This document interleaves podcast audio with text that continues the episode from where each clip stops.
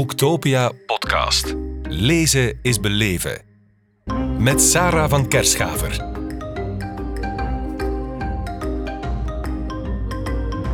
Piet Huizentruid, welkom in deze podcast op Boektopia in Kortrijk. Uh, dank u. Alsjeblieft. Ja, um, twee boeken meteen. Ongezouten en gepeperd. Uh, we weten dat gepeperd is lekker, ongezouten is niet te vreten. En ja, ongezouten is dan meteen het verhaal over jezelf. Oei. Piet. Ja, dat is direct een binnenkomer, hè, dat? ja. Vertel, ongezouten. Uh, ongezouten is er gekomen omdat je een verhaal vertelt uit het hart en ongeremd. En dan was het idee om ongepeperd, maar ik zei dat, dat zegt zich niet. Het is mhm. gepeperd. Mhm. Dus, en wow, zonder peper geen zout en zonder zout geen peper. Dus uh, de tweeling staat mooi op de toog, denk ik. Fantastisch. En uh, welke ligt jou meest na aan je hart? Alle twee. Alle twee, geen onderscheid. ik denk als je, als je aan, aan een, eh, een, moeder die een tweeling baart mm vraagt wie is er uw favoriet, dat is hetzelfde. Ja, dat is waar. Ja, ja. In het vertellen van je eigen verhaal, hoe moeilijk is het om genadeloos te zijn?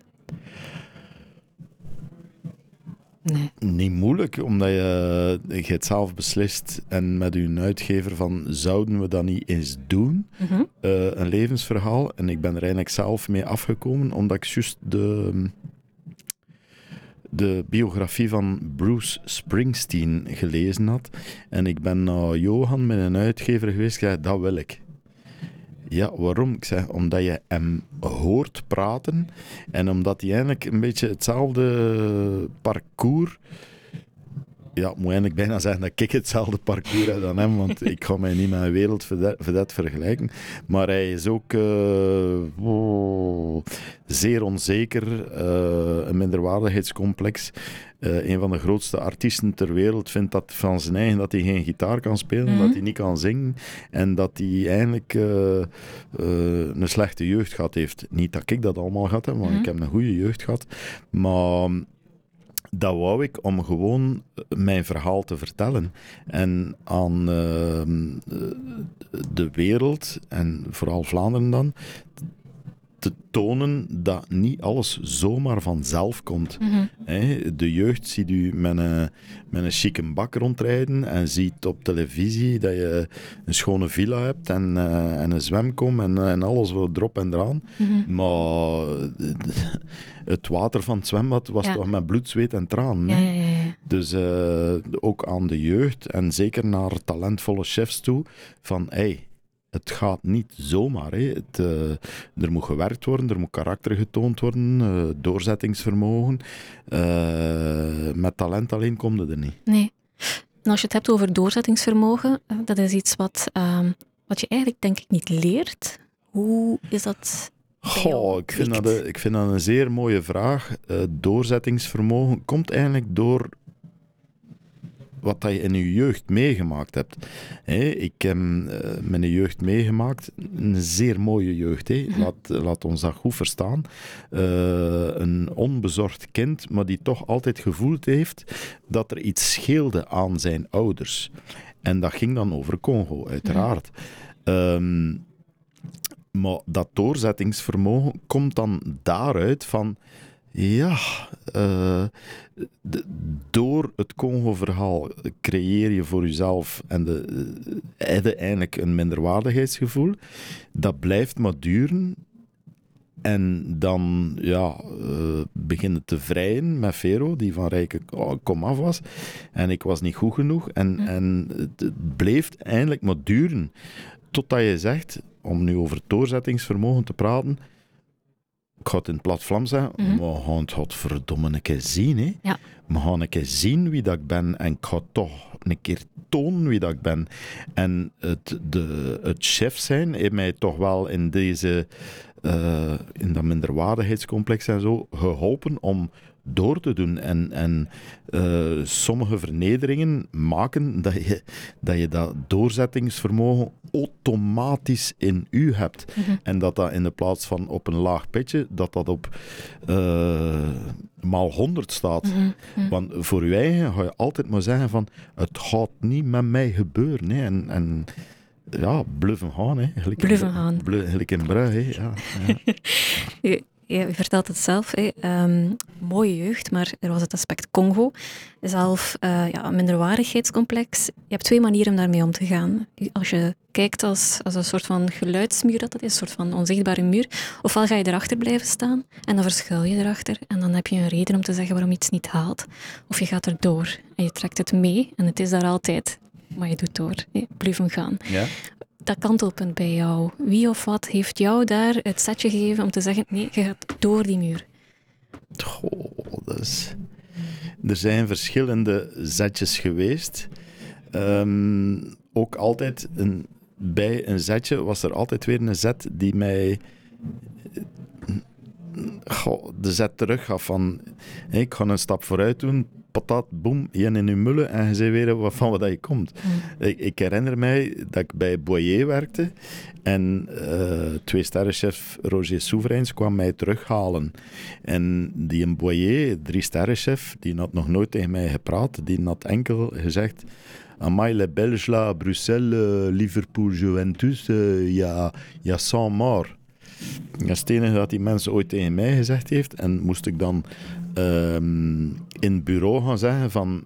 Uh, ja, ik stop hier, ik ga naar Roger Souverains. En uh, je vais, ik ga daar chef zijn. Allee, toi chef, zei het hem. Oeh, oké. Okay. Ja, dat zegt genoeg, ja, hè. Ja. Toi chef. Oh, maar je hebt pas de souci, hein, tu peux partir. Hein. Maar gewoon de toon van toi, chef. Van, allee, je kunt dat toch niet, jongen.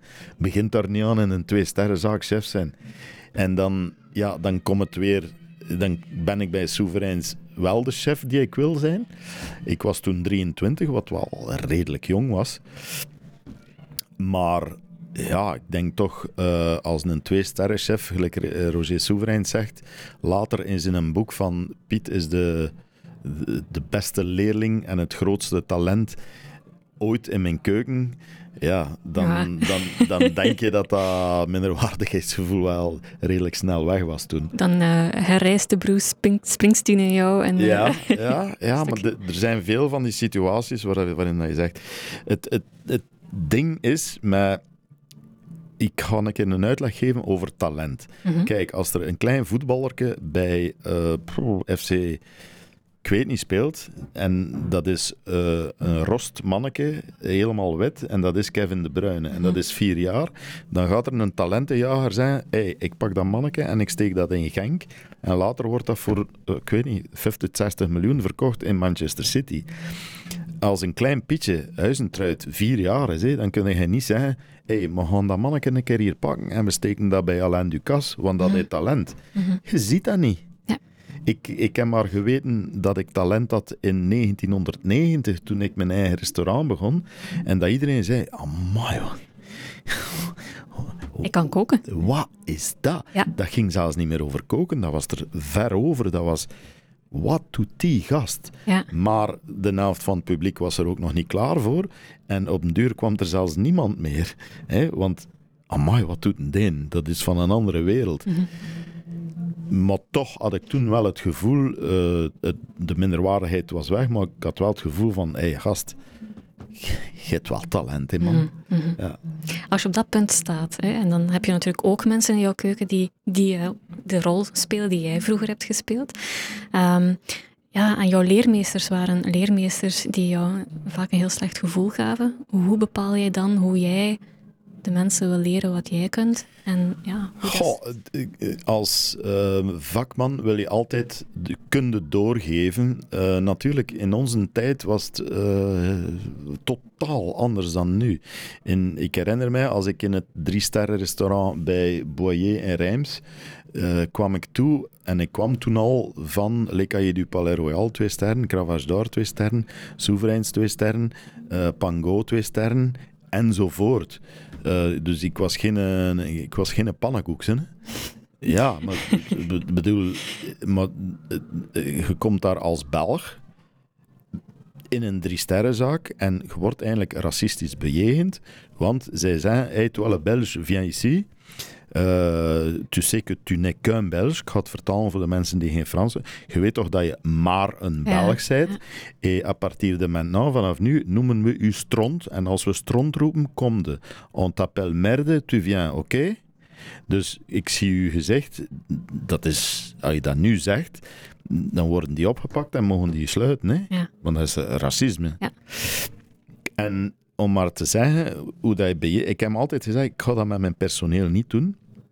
Wat eigenlijk niet makkelijk was, want je moet toch altijd als schipper van dat schip zeer streng zijn. Mm maar ik heb altijd gezegd, ik ga dat niet doen. Ik wil niet... Uh, als ik zelf niet vernederd wil worden, ga ik mhm. dat ook niet doen met anderen. Maar ik heb wel altijd mijn kennis doorgegeven en ik ben er ook fier op dat er toch een paar leerlingen van mij ook uh, op een hoog niveau koken. Ja. ja. Als mensen jouw boeken lezen en ermee aan de slag gaan, wat hoop je dan dat ze op het einde van de dag of van de week, als een dag is misschien wel snel, uh, dat ze overhouden? Wat mag er nazinderen? Ik wil, ik, ik wil eigenlijk niks en ik heb ook niks te, te willen van iemand die het leest, maar het uh, levensverhaal wil ik gewoon dat ze mij zien zoals ik echt ben. En ik heb dat nu al verschillende keren gezegd in interviews. Er zijn drie Pieten. Er is SOS Piet en er is de Piet, de absoluut autistische perfectionist die sterren gekookt heeft. Maar er is ook de gewone Piet die er nu bij jou zit te praten over zijn leven. En gewoon uh, wil dat de mensen dan een keer lezen en weten dat ik misschien wel met een dikke Jaguar rijd, maar dat ik ook daarvoor zwaar gewerkt heb, mhm. veel opofferingen gedaan heb en dat niet allemaal maar zo gegaan is. Mm Is dit een, uh, misschien een stukje eerherstel voor die laatste Piet die je noemde? Omdat de Sterrenpiet, de SOS-Piet, hebben heel veel aandacht gekregen. Is de, ja, de echte Piet dan eigenlijk? Ja, ik noem dat geen ereherstel. Kijk, hè, in, in, je zit een BV, je zit publiek bezit. En van Piet zeggen ze altijd, ja, love him or hate him, het is wit of het is zwart. Ik wil gewoon dat er mensen hun mening herzien en, mm en zeggen van, oh, dat wist me toch niet van Piet. En uh, er zijn zoveel dingen uh, emotionele dingen ook. Ik, ik zit er juist te tekenen en er komt een madamke aan tafel en die begint te, te wenen. Oei. Ja. En ik zeg, ja, maar wat is er, madamke? Uh, ja, kijk hoe die mama gekend en, en ze kwam altijd uh, eentje drinken in Popering en ah, ik zei, ze de hunder dat ik weet, ze heeft er altijd van verteld. Ja, ik mis ze zo. En, en, ja, dan begin ik ook te blijten, natuurlijk. Maar, maar dat is ook emotie. En, en dat wil ik ook tonen aan de mensen. Een chef is een emotioneel uh, wonder eigenlijk. Want je weet soms niet waar dat hij zijn emoties moet inleggen. En ja, dat zijn dan die kleine, grote dingen die ja, de emoties losmaken en, en waarvan je ja, begint te blijven. Nee? Ja. Ja. Ontzettend blij dat je daar taal voor gevonden hebt in die twee prachtige boeken. Piet ik, ik, ik, ik, ben blij dat ik het uh, gedaan heb, want ja, in het begin zei je, ja, wat gaat dat nu verkopen, minister, dat nu in geïnteresseerd? En uh, de mensen willen alleen maar recepten van mij. En ja, dat is eigenlijk een beetje zo de start. En dan zeg je, en dan, dan groeit dat. En, en door die COVID is daar veel langer aan gewerkt. En dan zei je, dat is toch, is toch echt een mooi verhaal. Mm. ook het, het, levensverhaal via de, via de gerechten. Dat er nu een boek komt, ja, en het is, het is mijn vrouw die kookt. Hè. En, ja, maar met uw zwijnenpoten, daar, daar, ben ik nog niet. Maar ik zeg, doe dat nu toch niet. Ik zeg, kijk, en de foto, ik zeg, kijk, je doet langs de ene kant veel mosterd hè, van Tierentijn. Je pakt een goede en brun boterham met gezotte beuter. Ik zei, dat is fantastisch. Oh, ik krijg er honger van. Ik zei, en in, ik, ik kan toch in mijn klapnek van het water in mijn mond. Uh, Piet Huizentruid, ontzettend bedankt om hier te zijn en zo smaakvol en, uh, en is het al gedaan? Het is al gedaan, het is, het is een kwartiertje. Ja, het is een... Hij kwam dan maar juist in vorm. maar dit is het voorgerecht, de mensen zijn aan het wachten op jou, die wachten op uh, het hoofdmaal op Piet Huizentruid. Dus voilà. Heel veel dank. Dank je wel.